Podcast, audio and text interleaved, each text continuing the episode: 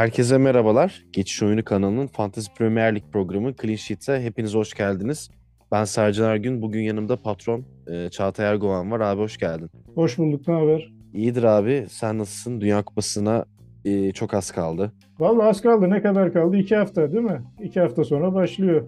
Evet evet. İki hafta sonra başlıyor. E, ligler de bayağı bir hafta kala falan durdurulacak. Hani tarihte e, Katar'a verildiği için Dünya Kupası böyle saçma sapan bir durumla karşı karşıyayız. Premier Lig'de şu anda bildiğin 15. maç haftasına aslında biz gireceğiz ama işte 15-16 oynandıktan sonra ara veriliyor. Ta aralığın 20'sine kadar Premier Lig yok. E, hatta şöyle baktım 26 Aralık.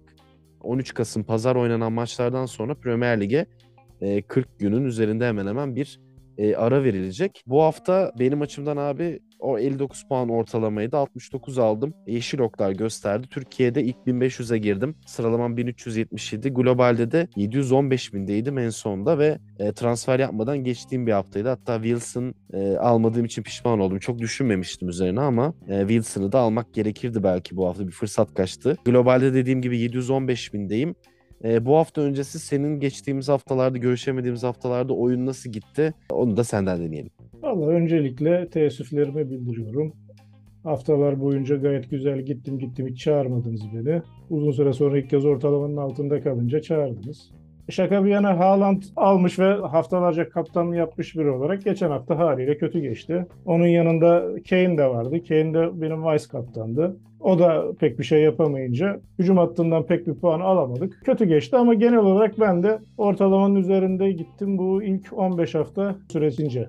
Evet abi ilk 15 hafta yani çok ilginç bir lig oluyor. Mesela lig 18.si Leicester 3 galibiyet aldı. Son dönem toparladı. 21 gol atıp 25 gol yediler. Yani onlar kadar gol atan takım sonra Liverpool var. Hani 9. sırada aradaki diğer mesela 11 takım da hiçbir şey yapmadı. Yani 21 gol atmak çok saçma sapan bir istatistik. Yine Brentford'ın mesela 19 atıp 22 yedi.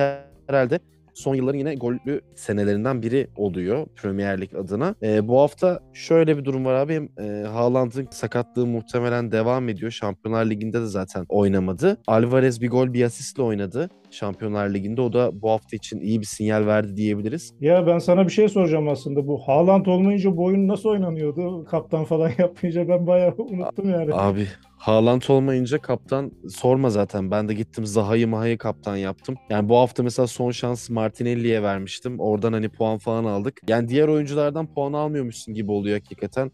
Bir de yani çok epik bir performans sergiliyor. Şimdi bu hafta Haaland'ın yine oynamama durumu e, muhtemel. Şimdi onlar Fulham'la oynayacaklar. Cumartesi günü 6'da başlıyor. 4 tane maçla hafta. Leeds, Bournemouth, City, Fulham, Nottingham Forest, Brentford, Wolverhampton, Brighton. Buradan haber değeri taşıyan ne var? Ivan Toney 5. sarı kartını alarak cezalı. 250 binin üzerinde kullanıcı satmıştı. 17. maç haftası Dünya Kupası dönüşünde tekrar bir wild card verileceği için bu haftaları daha az hasarlı eksi puanlar almadan geçmek gerekiyor. Hatta 26 Aralık'tan bahsettim. Dünya Kupası sonrası Premier Lig Boxing Day ile dönüyor abi ve o yüzden ben e, burada aslında birkaç forvet alternatifinden bahsedip hem diğer e, mevkiler hem de genel hafta için sana topu atacağım. Şimdi Wilson on fire diyebiliriz. Çünkü Soton deplasmanı ve evinde Chelsea ile oynayacak Newcastle ve çok formda 7.4 milyon. Tony ve Haaland'dan çıkıp zaten birine Wilson'a gideceğim gibi görünüyor. Son 3 ev sahibi olduğu maçta 19 puan toplayan bir Skamakka var. Crystal Palace ve Leicester'la üst üste iki tane evinde maç oynayacak. West Ham bu yüzden Skamakka 6.7 milyonluk değeriyle çok çok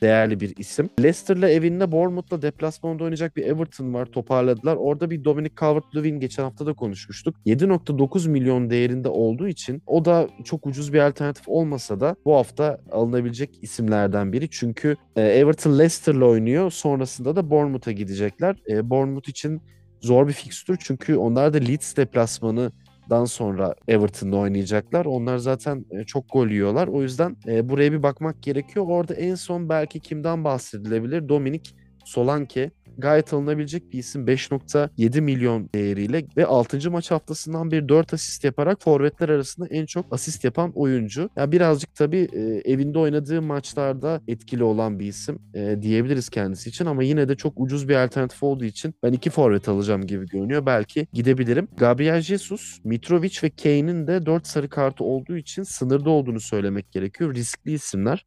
Bu isimler birer sarı kart daha gördüğünde forvet için alternatifler bayağı azalacak gibi görünüyor. E, bu hafta onlar dışında abi ön plana çıkan oyuncular olarak Rodrigo var. Son e, sakatlık dönüşü lige çok iyi girmişti Leeds'le.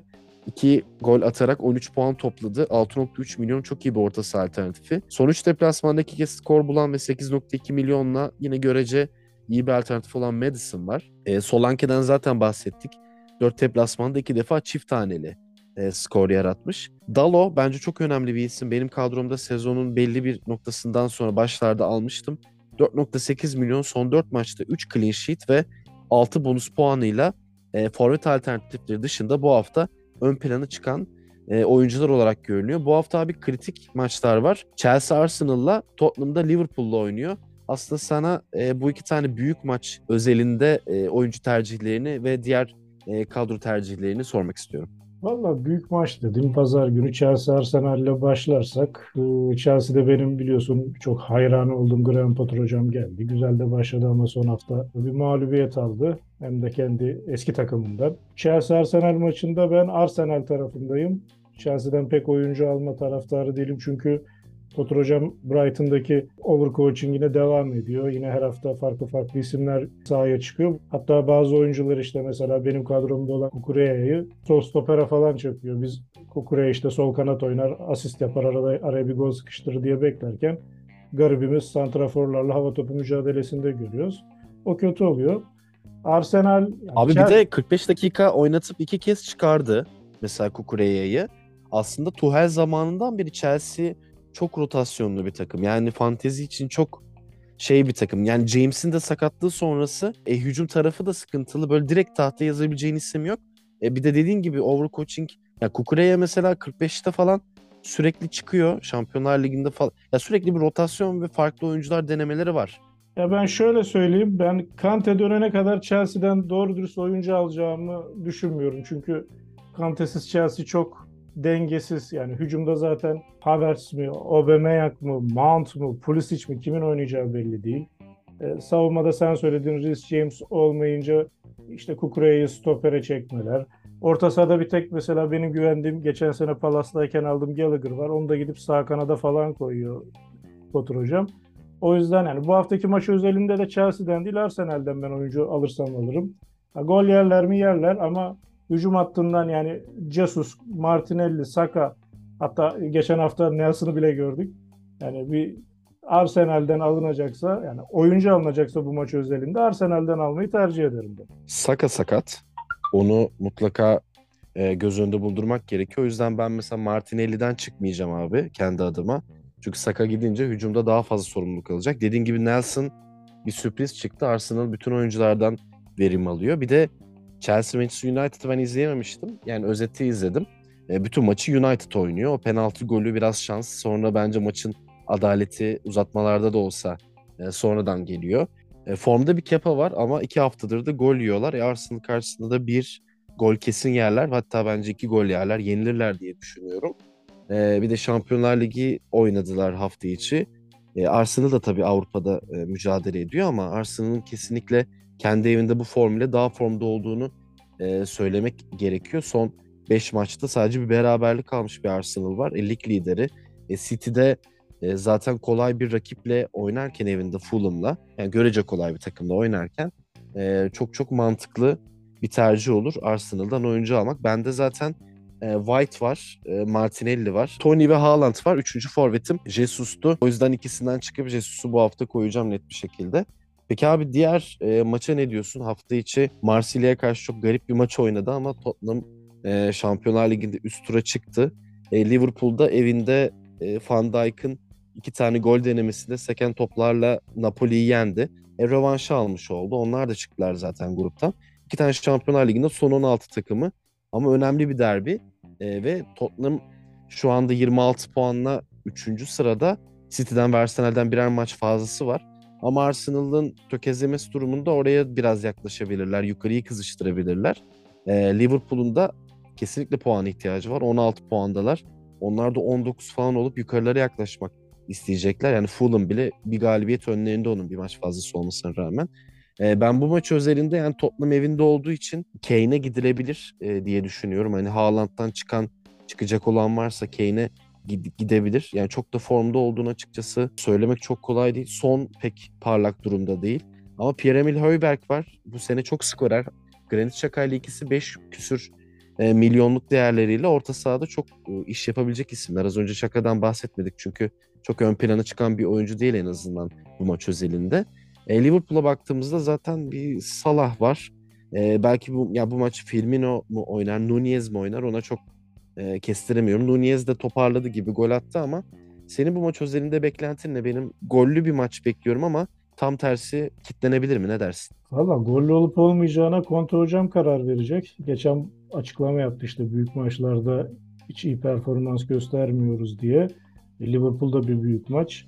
Yani bu bir nevi Spurs'un Liverpool zaten şu an şampiyonluk mücadelesinden uzaklaştı ama Spurs'un üst sıralar için bir kırılma maçlarından biri olabilir. En azından mental açıdan yani bir referans maçı gibi düşünmek lazım ama Conte hocamın da kafası karışık. Geçen maç mesela işte bir 3-5-2 denedi. Skip'i, Oliver Skip'i orta sahaya alıp 45'te çıkardı çünkü hem Kulüşevski hem e, Richarlison olmayınca formsuz bir Moura yerine bir 3-5-2 deneyeyim dedi. 45'te Moura'yı oyuna aldı. Maç döndü 2-0'dan. Bu maçta yine böyle bir ileride sadece Son Kane mi yapacak yoksa Moura'yı mı koyacak? Maçın gollü geçip geçmeyeceğine o karar verecek. Liverpool tarafında ise e, işler karışık. Orta sahaya da baktığın zaman baya bir rotasyon var orada. Henderson'ı kesiyor hoca. Hatta Trent'i kesiyor. Milner'ı koyuyor savunmada.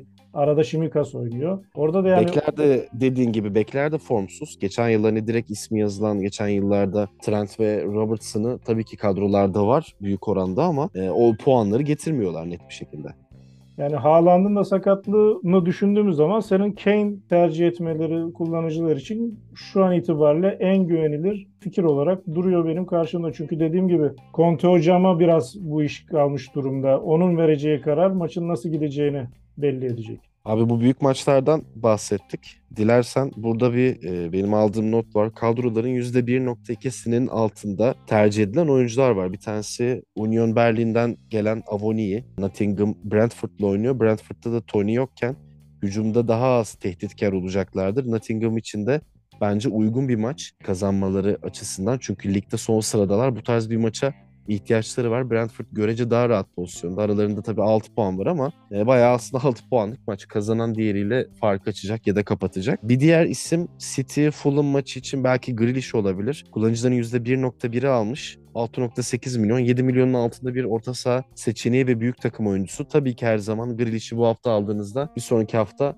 rotasyona girmesi, oynamama ihtimali 70'te 80'de girme ihtimali her zaman var. Bir diğeri senin hocanın aslında e, eski oyuncusu. Yani Brighton şu anda ligde 8. sırada. Onlar iyi bir galibiyet alıp geldiler. Şimdi Wolverhampton deplasmana gidiyorlar.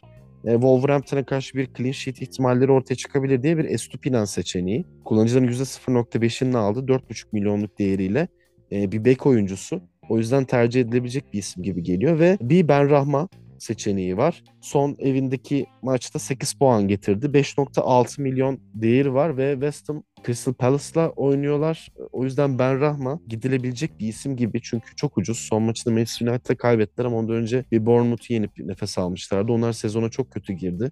Hala da çok iyi durumda sayılmazlar. Ama orta sıralardalar. Tabii az atıyor West Ham. Bir yandan da az yiyen bir takım Everton gibi bu iki takımdan savunma oyuncularına gitme ihtimalleri de çok yüksek. Bir yandan fiyatı düşen mesela Ivan Tony'nin fiyatı düştü. Kilman bende var 4,5 milyon fiyatı düşen oyuncular arasında. Az önce sen bahsettin Chelsea'den. Aubameyang 8.8 pahalı bir forvet ve düşüşte olduğu için bir de bu oyuncuların alış satış fiyatı ile ilgili geçen haftaki aydınlanmamı görmüşsündür abi.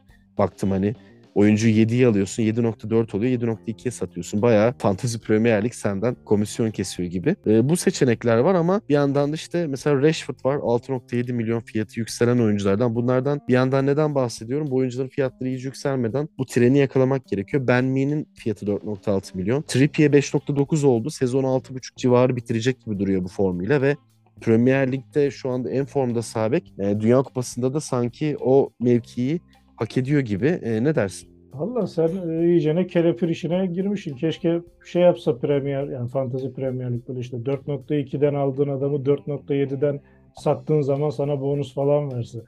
Evet abi. Yani bu şimdi şöyle bir şey var. O zaman o hani oyuncuyu ucuz fiyattan yakalama, seçenekli oyuncu yakalama bir avantajı yok. Hatta seni biraz belli noktada cezalandırıyor gibi. Hani oyun ya oyun aslında tam bir İngiliz oyunu ya. Hani çok sıkı kuralları var. Haftada bir oyun. Bence haftada bir oyuncu değişikliği çok yetersiz. Onu Şampiyonlar Ligi bile iki değişiklik yapıyorsun. Ki kaç tane takım var yani. E, İngilizler muhafazakar adamlar yani. Fantezi oyununa bile sirayet etmiş durumda. Yapacak bir şey yok. Oyuncular özelinde mesela Estupinyan bende var. Ama Brighton'da da şimdi Potter hocam gittikten sonra Potter'dan beteri gelmiş gibi. Dezerbi hocam Potter'dan daha fazla kurcalıyor. Geçen hafta görmüşündür yani Pascal Gross'un sağ bek oynadığı bir Brighton izledik. Dört tane attı ama ben diyorum geçen hafta o maçı Chelsea kaybetti diye. Estupinyan tercihi güzel çünkü Estupinyan'ı eğer 3-5-2'nin solunda kullanırsa Kukreya'nın bıraktığı yerden alabilir. Eğer Dezerbi hocam onu o şekilde kullanırsa.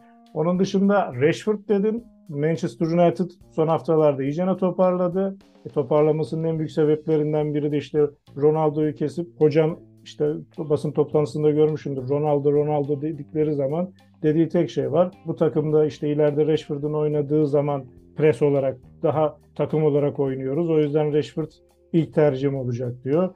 Ronaldo Abi tabii an... ki 37 yaşında MLS seviyesinde bir oyuncu artık yani onu sonradan rotasyona sokarsın. Güzel günleri geride kaldı. Bir de şöyle bir sıkıntı var yani Ronaldo'yu alıyorsun arkasında hem Bruno Fernandes hem Eriksen'i oynatıyorsun. Üçünü birden tabii, sahada tutman zor Defansif olarak tabii tabii yani senin hatta oraya öne iki tane ön libero değil üç tane koysan oyuncuların e, defansif defolarından kesinlikle e, kaldıramaz. O yüzden Rashford Ronaldo'dan daha çok ilk 11'de oynayacağı için Rashford tercihin, Estupinyan tercihi yani burada verdiğin isimler gayet mantıklı isimler. Onun dışındaki kelepirler için pek bir şey söyleyemiyorum. Çünkü yani şimdi takıma koysak araya Dünya Kupası girecek. Performansları Dünya Kupası'ndan sonra ne olacak ne bitecek o da ayrı bir muamma zaten. Kesinlikle onu düşünmek gerekiyor. Son olarak abi istersen ya bu hafta en çok transfer edilen işte 5 oyuncuyu söyleyeyim. Biri Wilson, diğeri Almiron, iki Newcastle'da çok şaşırtıcı diye. Sonra Trossard geliyor. O da hala bir fiyat performans oyuncusu Brighton için. Kevin De Bruyne ve Dalo geliyordu en son ben notlarımı aldığımda.